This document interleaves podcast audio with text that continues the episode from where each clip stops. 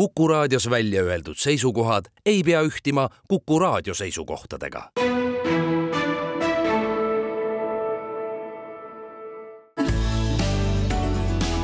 keskpäevatund. korraks vaid ainult sain olla sinuga, korraks vaid küllap nii vist peabki olema. korraks vaid lootsin leida õnne ma, korraks vaid, kuid siis jälle läksid sa. ütlesid, et lahkud minust, teise leidnud sa nii teha võid, ei hakka hoidma kinni sind nüüd ma. ilmas leidub teisigi, kes armastavad mind. no ütle, miks siis taga nutma pean ma praegu sind. korraks vaid ainult sain ma olla sinuga, korraks vaid, küllap nii vist peabki olema. korraks vaid lootsin leida õnne ma korraks vaid, kuid siis jälle läksid sa. korraks vaid ainult sain ma olla sinuga, korraks vaid, küllap nii vist peabki olema. korraks vaid lootsin leida õnne ma, korraks vaid, kuid siis jälle läksid sa. Mine siis, kuid minneski veel seda meeles pea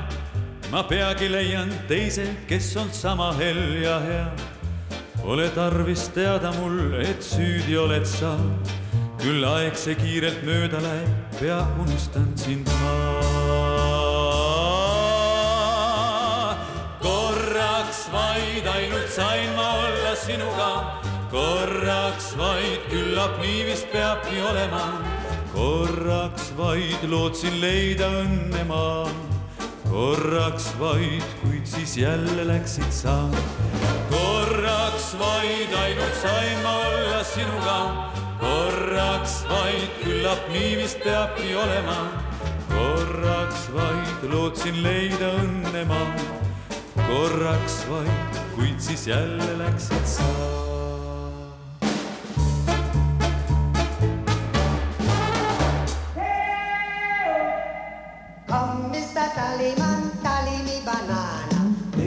uudiseid koduvabariigist. tere, siin Kuku raadio ja Keskpäevatund Tallinna stuudios. Heldur Meerits, Marek Strandberg, Priit Hõbemägi ja Uno Loop laulis meile Korraks vaid ja see korraks vaid omandab erilise tähenduse just täna, kui juba umbes terve ööpäev on teada olnud, et kõik Riigikogu liikmed presidendi peole ei pääse, siis teame ju väga hästi seda, et iga aasta kahekümne neljandal veebruaril korraldab Vabariigi President vabariigi aastapäeval oma peo, kuhu ta kutsub neid inimesi, keda ta just nimelt sinna tahab kutsuda. ja aastate jooksul selle tava alustas siis, tava algatas president Lennart Meri, kes võttis eeskuju Soome Vabariigi aastapäeva tähistamisest ja presidendi poolt korraldatud tähistamisest. ja aastate jooksul on kõik presidendid andnud sellele üritusele, mis pälvib väga suurt tähelepanu terves ühiskonnas, oma mingisuguse nurga või mündi, kes sõitis ringi nagu rändava killavooriga ma ei tea, Narvast Tartusse, Pärnusse, kõikvõimalike erinevatesse kohtadesse, kes kutsus palju kultuuriinimesi, kes kutsus palju äritegelasi, kes kutsus palju nomenklatuuri, aga igal juhul on kõik Eesti Vabariigi presidendid andnud mingisuguse oma vindi sellele asjale peale ja see õigus neil täiesti on, kuna see ongi presidendi pidu. Ja nüüd on siis presidendi kantselei teatanud, et parlamendist on tänavu peole palutud vaid Riigikogu juhatus, komisjonide esimehed ja aseesimehed ning fraktsioonide juhid. Ja see omakorda on toonud siis kaasa tohutu sellise, no tohutu on siin jutumärkides, on toonud endaga kaasa mõnede eh, Riigikogu liikmete sellise väga ülepaisutatud reaktsiooni, näiteks äh, Riigikogu liige Raimond Kaljulaid ütleb, et mõistan, et president soovis karistada ja alandada Riigikogu, aga ma ei ole kindel, et see muudab midagi paremaks no vot, see ongi, et igasuguseid, siin on ju piinlikke lugusid, kus inimesed ütlevad, et mul juba kleit valmis ja kellel munder valmis, aga näe, kutset ei ole saanud. ja selles mõttes on see selline kummaline värk, et me siin ka Heldur Meeritsaga istume õnnetult ja mõtleme, et me, meie, me oleme ka ju sattunud siis nagu president Karise niisuguse erilise kiusu objektiks, aga iseenesest ongi ju täpselt nii, et president teeb seda, mida tema tahab vabaisikuna, Riigikogu liikmed teevad seda, mida nemad tahavad ja kuigi siin on ka endisi Riigikogu liikmeid ja kõikvõimalikke tegelasi, kes ütlevad oi-oi, niisugune õudne lugu see nüüd on, on ikkagi asi selline, et mitu korda meil president on käinud Riigikogus viisakalt rääkimas ja avalikult pöördumas, et kuulge, püüdke natukene koostööd teha ja omavahel rääkida, milleks ju parlament rääkimise koht mõeldud on, mitte midagi pole juhtunud ja nüüd, kui president lihtsalt ütleb, et no pagan, mõistke seda, et saage aru, et, et te, te ei ole ju midagi teinud, et teid on mul, mul on ebamugav kutsuda teid külla, noh, see on nagu see taust, aga nad, ei, ei, me peame ikkagi saama, me, meiesugused on kogu aeg saanud ja, ja siin on isegi kulutusi ju tehtud. huvitav, et kas nii-öelda hakkavad tulema siis ka presidendi kantselei suunas nagu kohtuasjad, et äh, poolekult õmmeldud kleidi äh, tegemise kulud ja äh, ülikonna ja mundri. kas see on abikõlbulik, äkki saab Euroopa Liidu tõukefondist kuidagi selle Ester Karuse kleidi teise poole kinni maksta? no natukene muidugi võib Riigikogu liikmete pahameelt äh, ju mõista, eks, sest et nagu sa ka ise ütlesid, et et tegemist on sellise suure avaliku tähelepanuga üritusega ja, ja äh, see, sellisel üritusel osalemine nagu demonstreerib ka seda võimu lähedal olemist ja, ja noh, et, et Riigikogu liikmed on nagu tõepoolest ähm, nüüd ju üks osa sellest võimumehhanismist, et, et, et no ma, ma küll nagu arvan, eks, et, et kui lastele koolis räägitakse, et, et võim on rahva käes, et siis lastele vale valetatakse, et et noh, kui sa nagu vaatad, et milline on nagu see tegelik äh, võimustruktuur meil, siis äh, noh, laiemalt võttes võiks öelda, et, et võim on erakondade käes ja, ja noh, kui, kui sa nüüd veidikene kitsamalt vaatad ja et, et siis võim on meil koalitsiooninõukogu käes ja, ja kui nüüd tahta neid kastikesi nagu juhtimisskeemides kombeks on joonistada, et, et siis koalitsiooninõukogule alluvad meil Riigikogu ja valitsus, et, et noh, et selles mõttes ei saa muidugi öelda, et, et äh, Riigikogu on nagu ainult kummitempel ja et, et, et see, et nende roll on nagu täiesti olemas, sest et nad nagu aitavad ka neid koalitsiooninõukogu ja koalitsioonilepingu seisukohti ära vormistada ja ellu viia. Ja selles mõttes et kui nüüd äh, selline nii-öelda kinda heitmine presidendi poolt tuleb, et, et see nagu loomulikult tekitab stressi ja no ilmselt heidetakse kinnast jälle tagasi ja näidatakse üles oma sellist eriti osavat äh, diplomaatilist läbirääkimistele altit äh, viisi asju ajada.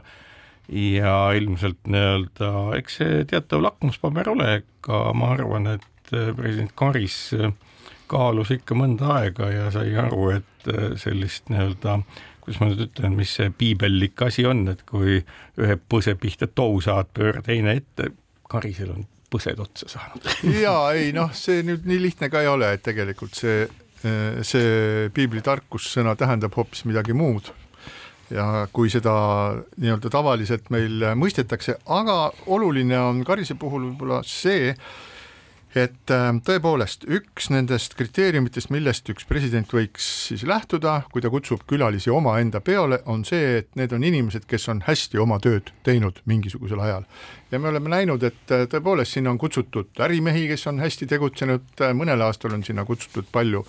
põllumehi ja maainimesi, neid, kes on äh, arendanud seltsielu maakohtades ja nii edasi ja nii edasi, nii et seal see ei ole nagu selles mõttes automaatselt äh, nii-öelda nomenklatuurne vastuvõtt, nii nagu millegipärast arvab siis asendusliikmena Riigikogusse saanud ähm, äh, Margit Sutrop, endine siis ka, kes on tegutsenud pikka aega Tartu Ülikooli eetikakomisjoni äh, või mitte eetikakomisjoni, vaid eetikakeskuse juhina, et äh, kui ta leiab, et siis äh, nomenklatuursus on mingisugune selline asi, mis automaatselt garanteerib kõikide uste avamise, siis äh, see ei ole niimoodi. Ja kui me lähen, läheneme nüüd selle nurga alt, et kutsuda neid, kes on midagi, millegagi hakkama saanud, mis oleks ju täitsa mõistlik alus, siis mida me võime öelda selle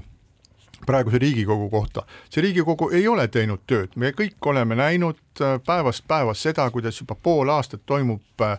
jändamine, vingerdamine, teineteisele jala taha panemine, täielik võimetus omavahel kokku leppida sada üks täiskasvanud inimest,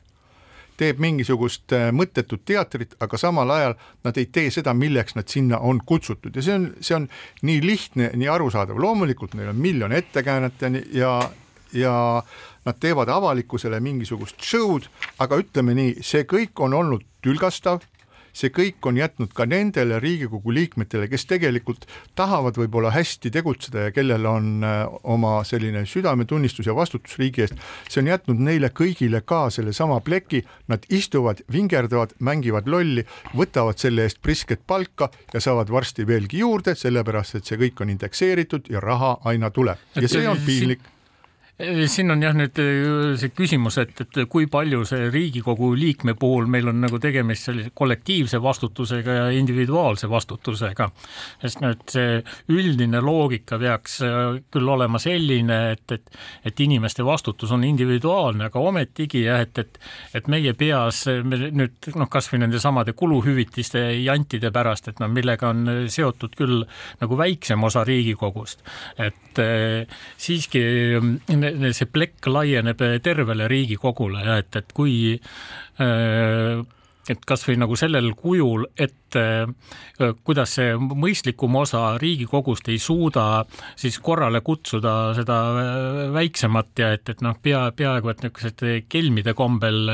käituvaid Riigikogu liikmeid. nii et, et noh, siin see ter-, tervikuna äh, me saame ikkagi rääkida ka Riigikogu liikmete vastutusest, noh, mis siis kajastub ka nendes reitingutes, kuidas inimesed usaldavad üht või teist institutsiooni ja, ja Riigikogu ei ole seal kunagi nagu liiga kõrgel kohal absoluutselt olnud. ja praegusel ajal veelgi viletsal kohal, aga ma tahaks minna ühe sellise nagu tõsisema teema juurde, et me oleme selle päris korralikult läbi hammustanud, et just äh, eile tuli teade selle kohta, et äh, Eesti Vabariigi idapiirile ehitatakse kaitseliin, mis koosneb kuuesajast punkrist, noh päev enne seda, paar päeva enne seda jõudis Kaitseväe juhataja Martin Herem teatada, et ta lahkub enne oma pikendatud ametiaega, mis on ka omaette selline huvitav teema, aga see kaitseliini ehitamine on nüüd äh, midagi sellist, millega vist äh, nüüd viimase kolmekümne aasta jooksul Eesti Vabariik idapiiril pole sel teemal nagu midagi eriti teinud, jah, on neid mitmesuguseid elektroonilisi valveposte küll lubati pärast Eston Kohvri röövimist välja ehitada siis ähm, kogu idapiir, siin sellega muidugi kuhugi ei jõutud, nagu tavaliselt, aga nüüd siis kuussada punkrit. Ja see meenutab natukene seda, mida prantslased tegid ennem äh, teist maailmasõda ja Maginot nimelise ministri äh, eestvõtmisel ehitati sinna ka suur kaitseliin Saksamaa ja Prantsusmaa piirile mille peale ju sakslased ründasid Prantsusmaad üle Belgia, mis äh, tähendab seda, et nagu jah, võibki öelda, et noh, parem kaitserajatis kui kaitserajatise puudumine, aga ka kaitserajatise olemasolul ikkagi sõjalised planeeringud on nii pikad ja no eks me siis näeme, et siin on lubatud, et mingil hetkel, kui esimene punker siin vist sel aastal valmis saab, lastakse seda ka siis saja viiekümne viie millimeetrise kahuriga mürsuga ja vaadatakse, mis sellest järgi jääb. ehk et äh, selles mõttes nojah me ju teame Erich-Maria Remarque'i aegadest alates läänerindel muutust, et kus ka kaevikud käest kätte käisid sakslaste ja prantslaste vahel ja kord sõdi, sõdisid ühes samas kaevikus, järgmisel hetkel teised, Ukrainas toimub midagi samasugust, ehk et äh, me nagu valmistamegi ette siis sõjatandrit või iseenesest äh, selline samm on nii palju küsimusi tekitav, mitte et see oleks nüüd vale ilmtingimata, aga neid küsimusi on rohkem kui esialgu vastuseid vastuseid, et mida see siis taktikaliselt või strateegiliselt meie jaoks tähendama peab, kui vahetult piiri lähedale ehitatakse selline kaitserajatis, et äh, kus on need mehed, varustus ja kõik muu, mis seal veel juures vaja on. no siin ilmselt on saadud selgelt inspiratsiooni Ukrainas käivast sõjast, kus venelased oma, oma miiniväljade ja muude kaitserajatistega ikkagi noh, panid Ukraina pealetungi üsna, üsnagi korralikult kinni ja kuigi noh, seal Ukraina puhul räägitakse ikkagi nagu üsna, üsna sügavast kaitseliinist seal nagu mingi, mingites olukordades isegi nagu kuni, kuniks nagu kolmekümnest kilomeetrist. mis tähendab seda, et kolmandik Eestit umbes on see liini sügavus või paksus või ma ei oska öelda, mis, aga nojah, ega nagu kui, kui, kui see oleks nii, eks, et, et noh, siis, siis seal nagu ilmselt oleks nagu suurem tõhusus kaitse vaatenurgast ja teisest küljest jälle jah, ma olen nagu selles sinuga täitsa nõus, et, et küsimusi on nagu maru palju, et, et see uudis on nagu liiga värske ja, ja kui, kui sa nagu ei ole mingi sõjanduse äh, ekspert ka, eks, et siis, siis nagu lähe, siis võib siin hõlpsalt libedale aga, teele minna. aga nüüd teeb oma noka lahti tuntud kaitserajatiste spetsialist Priit Hõbemägi no nii, palun ja ma annan nüüd oma panuse sellesse teemasse ka, et kui me võtame need liinid üldse nagu ajaloos, mis on olulised olnud, siis tõepoolest see Maginot liin läks, oli ju super kõva, super äge ja era, oma aja kohta erakordselt tehniliselt äh, arenenud, aga see häda oli selles, et kuna pra-, prantslased olid sõlminud mittekallaletungi lepingu Belgiaga, siis nad arvasid, et enam-vähem see asi peab ja sakslased tõepoolest, nagu sa, Marek, ütlesid, et lihtsalt siis ülevalt poolt lähenesid, äh, läksid äh, Maginot liinist ümber ja siis panid äh,, siis panid oma masina käima, aga seal oli teine asi veel, et see Maginot liini nagu ikka, raha hakkas otsa saama, seda ei pikendatud siis sinna Dunkirkini, seda ei pikendatud üles äh, välja sinna nii-öelda Inglismaa, Inglise kanali teisele poolele ja see võimaldas sealt mööda minna, et kui oleksid prantslased pannud rohkem raha, võib-olla siis oleks olnud keerulisem, see on üks asi, siis meenutame seda, et, et äh, sedasama Äh, Maginot liini hakkasid kasutama sakslased siis, kui, äh, siis kui äh, ameeriklased ja britid Liitlased olid Euroopas. olid ja nii nagu siis sõja ajalugu ütleb, et neil oli ikka väga-väga keeruline, väga keeruline oli välja suitsetada sakslasi sellest liinist, kui siis oli selline konventsionaalne sõda, ühel pool on siis see kindlustatud liin ja teisel pool mitte, aga veel huvitav on ka see, et teisel pool piiri Maginot äh, liini asus mis asi? Siegfriedi liin ehk Läänevall, Vestvall, mis oli siis Hitleri käsul ehitatud tohutu siis kindlustuste rajatis, mis samuti ei päästnud äh, siis äh, Saksamaad hävingust, aga nüüd ma jõuan selle asja nagu punkt, pointini, et asi ei ole betoonis, asi ei ole selles tehnoloogias, mis seal on, asi on äh, kaitsetahtes või võidutahtes, et toome, toome ühe liini siia kõrvale ja see on Mannerheimi liin. Mannerheimi liin, mis oli siis ehitatud Soome idapiirile selleks, et Vene agressiooni, võimalikku agressiooni tõr-, tõrjuda, oli võrreldes siis Maginot ja Siegfriedi liiniga täielik käkerdis. seal ei olnud mingisuguseid suuri kaitseehitisi, seal olid punkrid täpselt samamoodi, seal olid väiksed punkrid, kuhu mahtus kümme inimest, maksimaalselt kasutati ära siis looduslikke takistusi nagu jõgesid, järvesid, isegi maha kukkunud puutüvesid ja see, mis võimaldas siis talve talvesõjast tekitada tohutut kahju venelastel, oli just nimelt see, et kuidas soomlased võitlesid ja minu meelest see on nüüd nagu näide sellest, et kui me valaksime terve sellele oma idapiirile betooni ja paneksime sinna ultramoodsaid mingisuguseid äh, kaitserajatisi, siis see ei garanteeri meile mitte midagi. aga kui selle isegi nendes punkrites on mehed, kes äh, võitlevad viimse veretilgani, siis see töötab ja selles mõttes ma arvan, me praegu ei oskagi öelda, et võib-olla need punkrid on ikkagi väga hea mõte, ma mõtlen, et parem ikka betoonist punker kui mitte midagi no sellega saab jah küll kindlasti nõus olla, et sest äh, mingi, mingit, mingit abi neist on, et, et üks, ükski selline kaitserajatiste süsteem pole nagu iseenesest äh, võitmatu, aga ta võib kaitsjatele ikkagi nagu palju abi osutada. ma, ma tahan siia juurde küsida ühte asja, et me hiljaaegu siin kuulsime seda, kuidas peaminister Kaja Kallas ütles seda, et meil on siin kolme aasta pärast tõenäoliselt sõda lahti ja mõtlen nagu pingsalt selle peale, et äh, üsna, üsna õõvat, õõvastav uudis ju äh, laiemaski plaanis, rääkimata siis sellele, et oludes, kus Eesti riik täna on, majandus ei edene, välisinvesteeringuid on vaja, öelda selline sõnum välja, et kust see sõnum pärit on, mis selle allikas on, keegi aru ei saa kas ta nüüd räägib midagi salajast välja või ei räägi, aga igal juhul nii-öelda noh, kes siia siis investeerima tulevad, noh, tõenäoliselt kirstutootjad ja hauakaevajad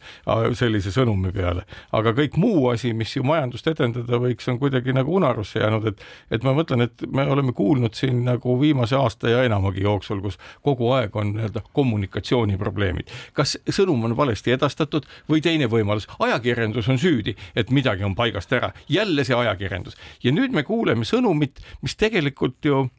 isegi kui keegi veel aegu tagasi ennem seda sõnumit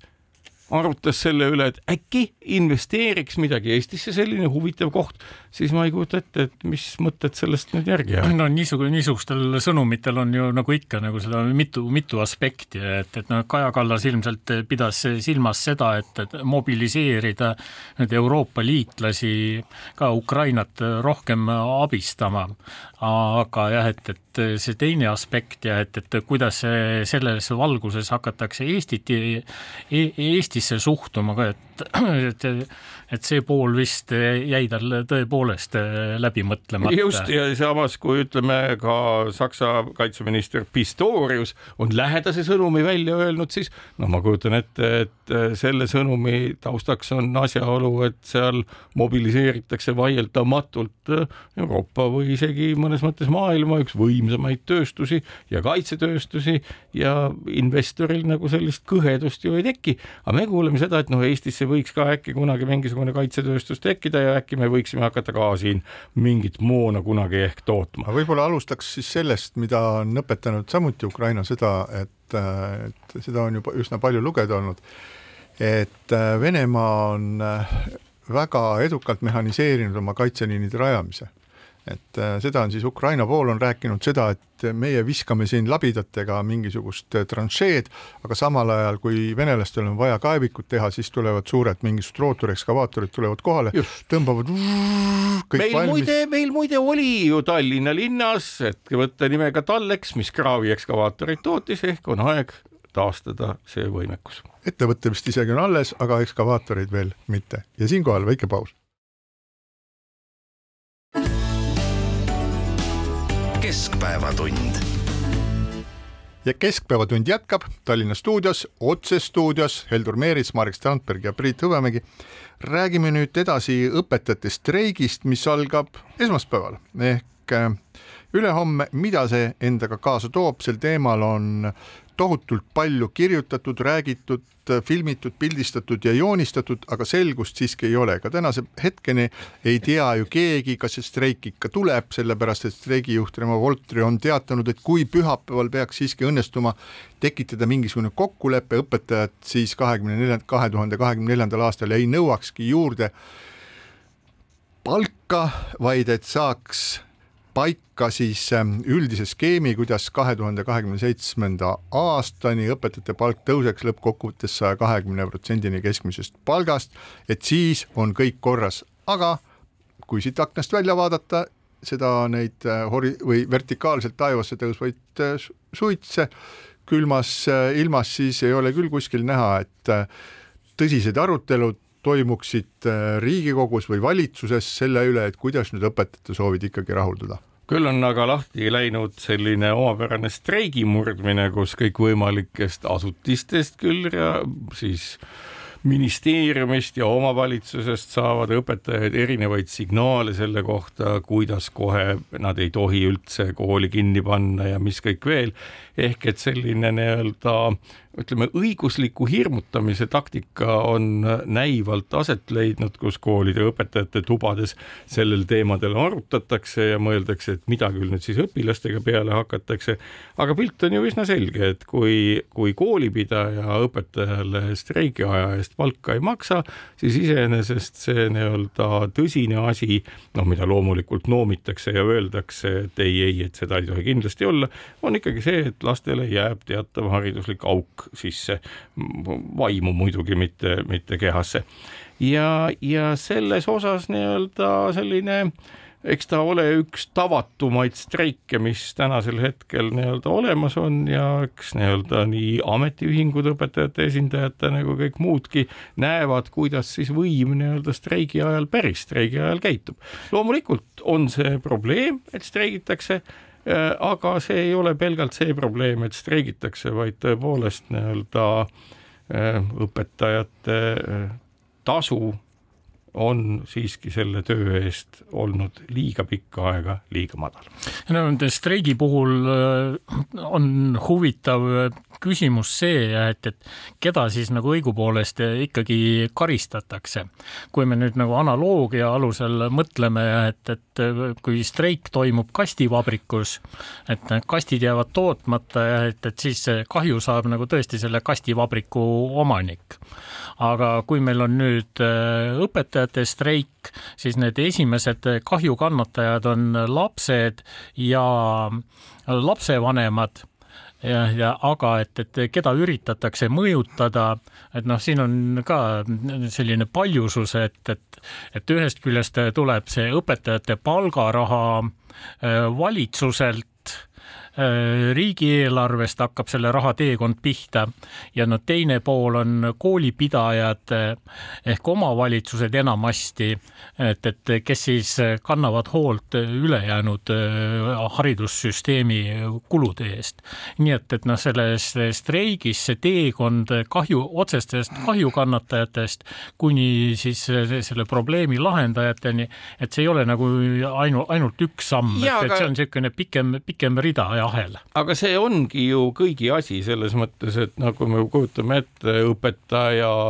töökoormust nädalas, mis on viiskümmend, vahel võib-olla kuuskümmend tundi tavatu võrreldes. no selles selle... osas meil vist nagu väga, väga usaldusväärseid andmeid ei ole, et, et see, millele sa viitad, on nagu õpetajate enda väide, eks, ja, ja noh, kui sa nagu iseenda kohta hinnanguid annad, et siis see nagu ei pruugi alati päris täpne olla. see võib nii olla, aga teistpidi nii-öelda ega ju jällegi, et aeg-ajalt, kui õpetajad mingi arvamusloo või asja kirjutavad, ega neil ka väga palju aega ei ole, sellepärast et nad ongi siiamaani ju ikkagi reaalsed, kui vaatame ka kõikide meie olümpiaadide või PISA testide tulemusi, siis faktiliselt on ju õpetajad panustanud õpit-, õpilaste harimisse ja kogu sellesse õpetamistegevusse täiega, maailmas parimal moel. ja meil ei ole põhjust kahelda, noh, me ei peaks arvama, et nad nagu ühtäkki hakkavad valetama, et tegelikult teevad viisteist tundi nädalas, aga ütlevad, et teevad kolm või neli korda rohkem. aga nii-öelda see probleem ongi kõigi probleem ja kuigi nii-öelda noh, nii-öelda, et asi on streigini läinud, on muidugi kurb, aga ka katmata lubadused on need ju, mille tõttu ma arvan, nende lubaduste peale ju on päris paljud erakonnad saanud oma hääled ja kandidaadid saanud oma hääled, et see õpetajate palgaprobleem lahendatakse ja pärast valimisi käsi laiutada ja öelda, et vabandage, raha ei ole, on ikka üks hale värk. Õpetajate palgaprobleemi saab vaadata ju kindlasti mitme, mitme kandi pealt, üks probleemina, probleemiks nimetan siis mitte seda, et kui palju nad saavad, kui, või kui palju nad ei saa, aga kuidas see raha neil kokku tuleb ja näiteks siis Kaspar Oja on kokku arvutanud selle, sellest räägiti siis poliitika poliitikakuru saates, et kuidas siis riigi toetus õpetajate palkadeks äh, äh, jaotub ja mis tegelikult õpetajatele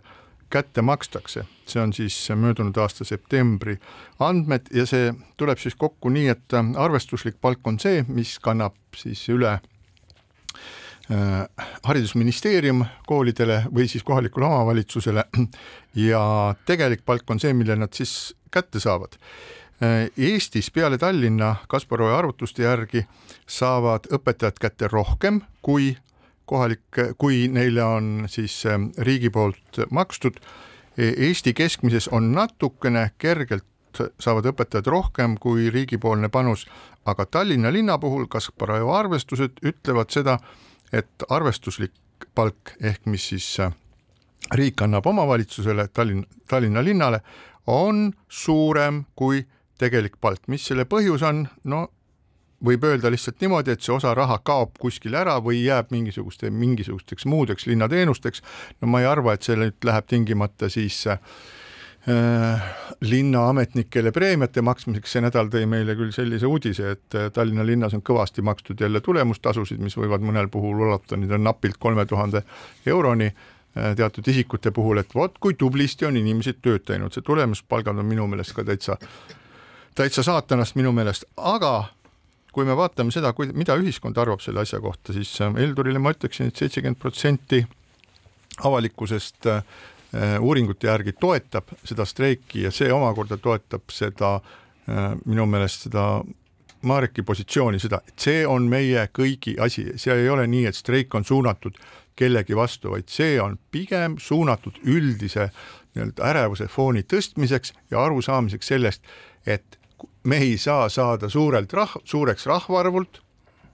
ega varanduselt, aga me peame olema suured oma hariduselt ja vaimult ja mingisugust muud teed siin Eestis üldse ei ole. see, mis puudutab nüüd Kaspar Oja arvutusi, siis nagu üks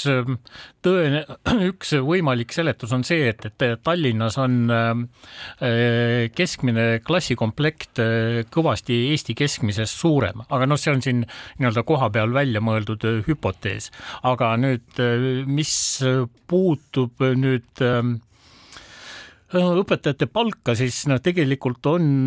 me juba siin ennegi on sellest palju juttu olnud, et haridusse Eesti panustab üsnagi palju.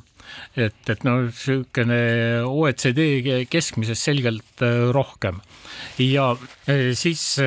tekib küsimus, et, et kui me sinna raha nii palju panustame, et, et miks, miks seda raha ei jagu õpetajate palkadeks ja, ja et see eeldab siis ikkagi mingisuguseid ümberkorraldusi meil ka haridussüsteemis, et no ennekõike on no, haridusökonoomikas on kõige, kõige tähtsam näitaja ongi, ongi klassikomplekti suurus, et, et, et nii-öelda tulud tulevad haridussüsteemi sisse õpilaste arvu järgi ehk pearahadena ja, ja ka kulud tehakse klasside kaupa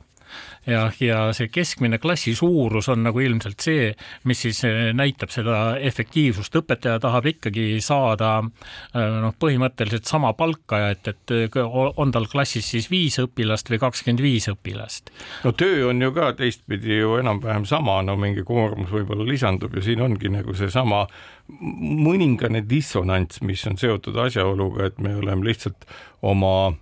nii-öelda kõikide asjade majandamiskastideks jaotamisega harjunud seda, et kõik asjad on siin maailmas teenused. ökosüsteem pakub meile teenuseid ja õpetajad pakuvad meile teenuseid. no võime ju arutada, et kas need on päris teenused või siis ikkagi mõned on väga olulised teenused, just nagu mitteteenused. ja mhm. õpetajate puhul minu meelest ongi täpselt seesama asi, et, et kui läheneda noh, nii-öelda haridusökonoomiliselt, siis kulu on kulu, palk on palgakulu ja kapitalikulud on kapitalikulud, mis seotud koolimajade ja kõige muuga, mis seal sees on. aga me peame ikkagi aru saama sellest, et inimest õpetab teine inimene, aju nimelt ja see osa kapitalist, mis on õpetav osa, on erilise väärtusega ja teistsugune ja seal kõikvõimalikud hõõrdumised ja paigast äraolekud maksavad väga kallilt kätte. vot ja... võib-olla peakski nagu haridustöötajate ametiühingule ette heitma seda, et nad on väga kitsalt fokusseerunud ainult palgale. et eh, nad ei ole, ma või vähemalt mina ei ole küll märganud, et nad midagi õpetaja töö sisust oleks rääkinud või et neil oleks ka nagu mingisugune seisukoht selles osas, kuskohalt see raha peaks eh, siis ikkagi tulema, noh saati veel sellest, et nad eh, koolisüsteemi reformist või ümberkorraldamisest, et neil nagu mingisugust vaadet oleks. no et, võtame ka teistpidi, ega õpetajate ja haridustöötajate ametiühing on oma muutunud ülesehituses üsna uus nähtus, et võrreldes varasema ajaga, kui haridustöötajate ametiühing oli ühel või teisel moel ikkagi kõikide nende streikide ärajäämisegi tõttu, millega on siin ähvardatud valdavalt nagu selline valitsuse lemmikpartner isegi, kõike õnnestus kokku leppida, siis noh, nii-öelda andkem aega, et nad saavad õppida ja ma olen selles osas täiesti nõus, et hariduse kvaliteedi mõttes võiks haridustöötajate, jälle õpetajate, nimetame siis, esindusorgan ikkagi tegeleda kogu selle spektriga, koolihoonete, õppe programmidega ja kõige muuga, ehk olla ikkagi nii-öelda kvaliteetse seisukoha kandja. ja et nüüd kui siin oli juttu sellest, et klassikomplekti suurus, et kui palju see määrab, siis no minu, mul ei ole, mul on, minu kogemus äh, üldhariduskoolis õpetamist on väga väike, olen mõnda meediaklassi õpetanud ja näinud seal ka seda, kuidas lõpuklasside õpilased on, on äh, üsna, päeva lõpus on üsna kustunud ja väsinud, ma kujutan ette, et see oli siis sellest nende pingelisest õppetööst, aga mitte pikaks veninud ööst kuskil arvuti taga, aga igal juhul see kogemus, mis on, mis äh, mul on kümneaastasest ülikoolis õpetamisest, siis ütleb see, et ega suurt vahet ei ole, kas sul on seal klassis parajasti, auditooriumis parajasti kümme üliõpilast või sul kakskümmend viis üliõpilast isegi seitsekümmend viis võib-olla, siis pead endast natukene rohkem äh, energiat välja pumpama, aga seal ei ole põhimõtteliselt suurt vahet. sa pead ikka olema nagu leidlik, terane ja panema inimesed ennast kuulama, aga see, kuskohast tuleb see lisakoormus, see on see on äh, kontrolltööde, esseede, kirjalike tööde parandamine, tagasiside andmine, see vaimse pinge suurenemine, bürokraatia, mis sellega kaasneb. nii et sealt tuleb see nagu, et mitte see, et sa lihtsalt õpetad, aga see, et kõik need muud asjad, mis sulle siis lisanduvad nagu iga õpilase pealt, et need tekitavad suurt, suurt pinget, aga loodame, et õpetajate streik, mis siis äh, loodetavasti, ta võiks ju mitte tulla, aga kui ta siiski tuleb, et see õpetab meie ühiskonnale ühte ja teist igale ühele meist ja siinkohal väike paus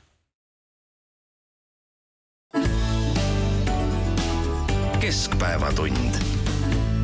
keskpäevatund jätkab otse stuudiost Heldur Meerits, Marek Strandberg ja Priit Hõbemägi. saate viimase kolmandiku pühendame siis äh, nendele asjadele, mis sünnivad Eestis, aga mis on seotud äh, Venemaaga. me saime sellel nädalal teate selle kohta, et äh,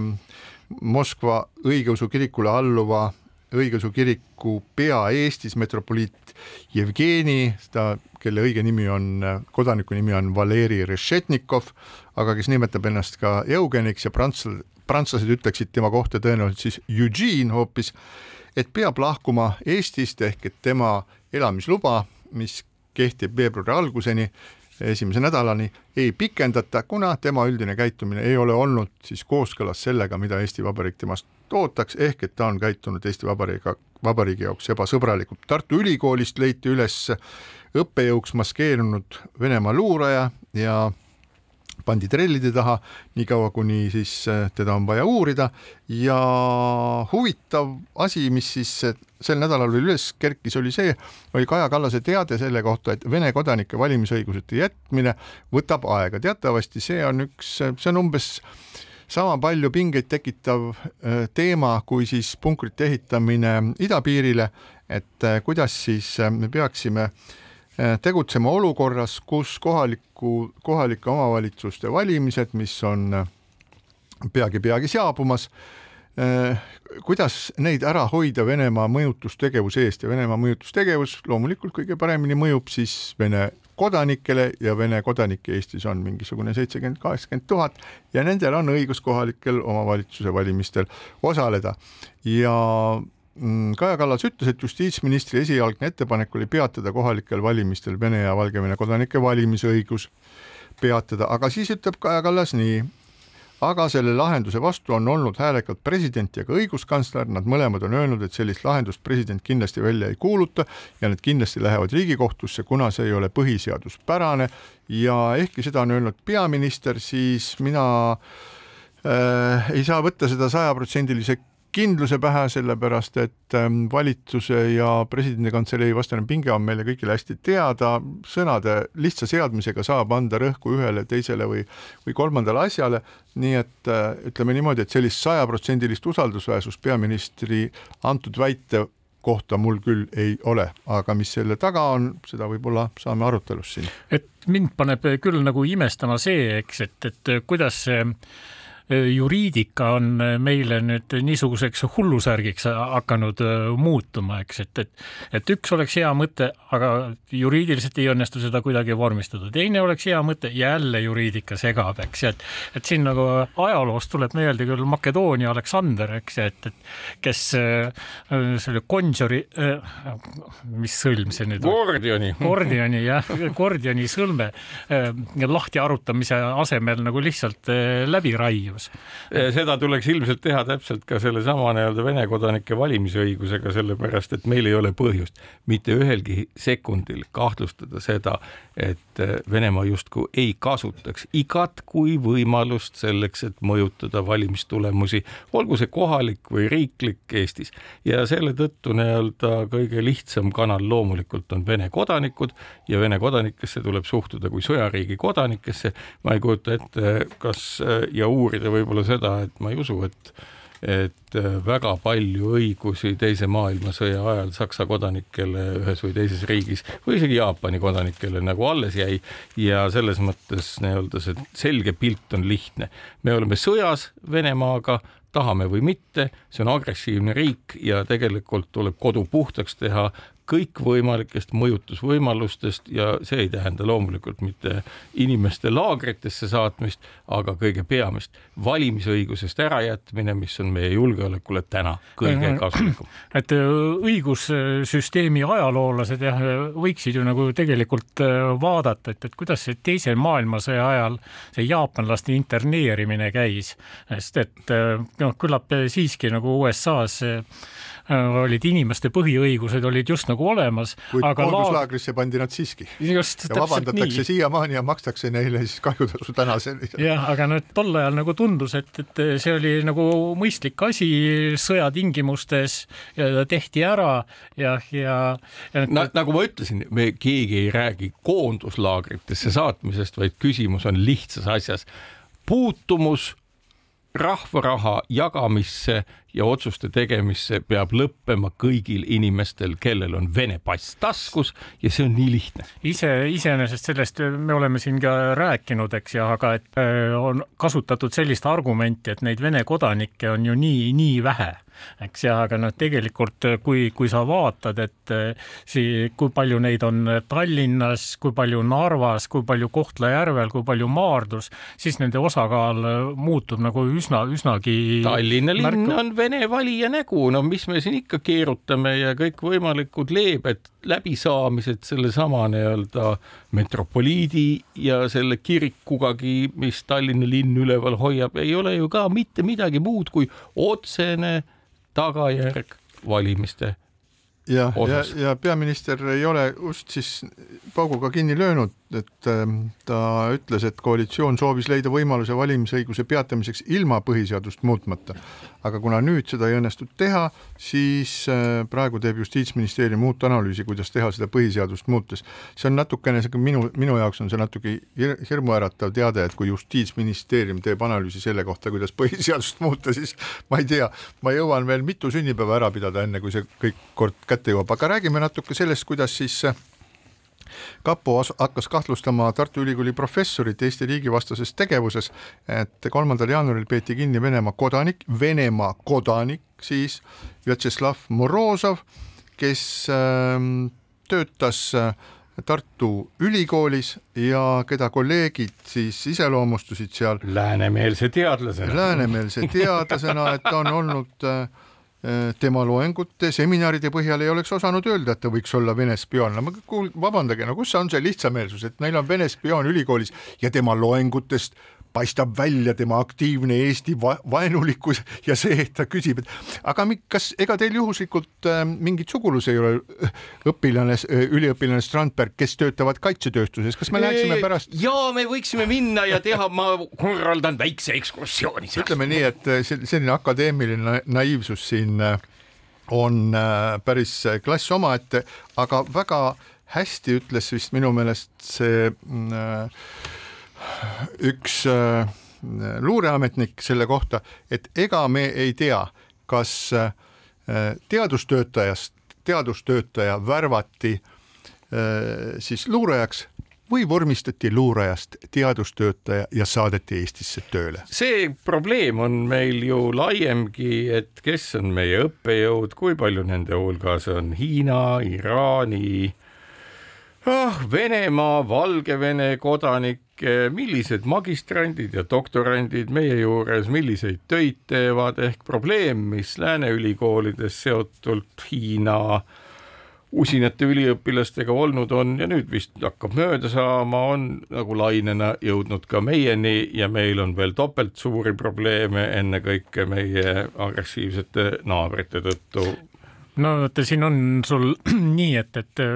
nagu iga hea asjaga käib sul ka mingisugune miinus kaasas ja, ja, ja vastupidi.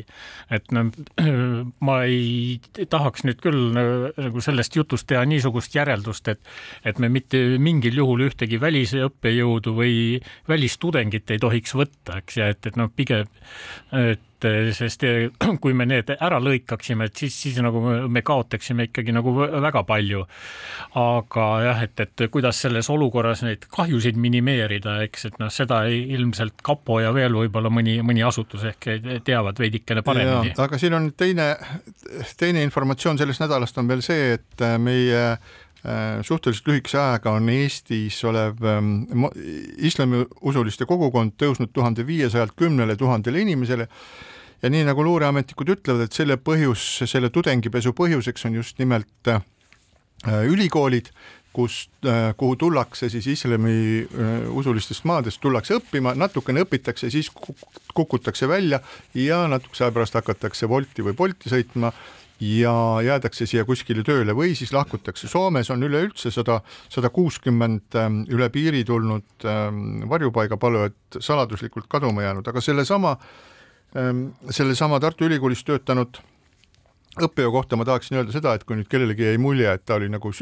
tegeles mingisuguse nii-öelda akadeemiliste probleemidega ja ja mida sa sealt ikka siis nagu välja uurid, siis nii lihtne see asi ei olnud. seesama inimene muuhulgas siis pidas loenguid ja õpetas meie välisministeeriumi ametnikke Venemaad tundma ja kes nüüd viitsib ühe sammu edasi mõelda, saab aru, et tegelikult ta uuris välja, mida meie välisministeeriumi ametnikud teavad Venemaa kohta, millised allikad need on, mida, millised on nende ettekujutused ja milliseid nii-öelda tulevikuperspektiive nad näevad. Nii et see on juba iseenesest piisavalt halb, et jättage see inimene trellide taha, aga siinkohal peame oma tänase saate lõpetama, täname teid kuulamast ja kohtume taas nädala pärast keskpäevatund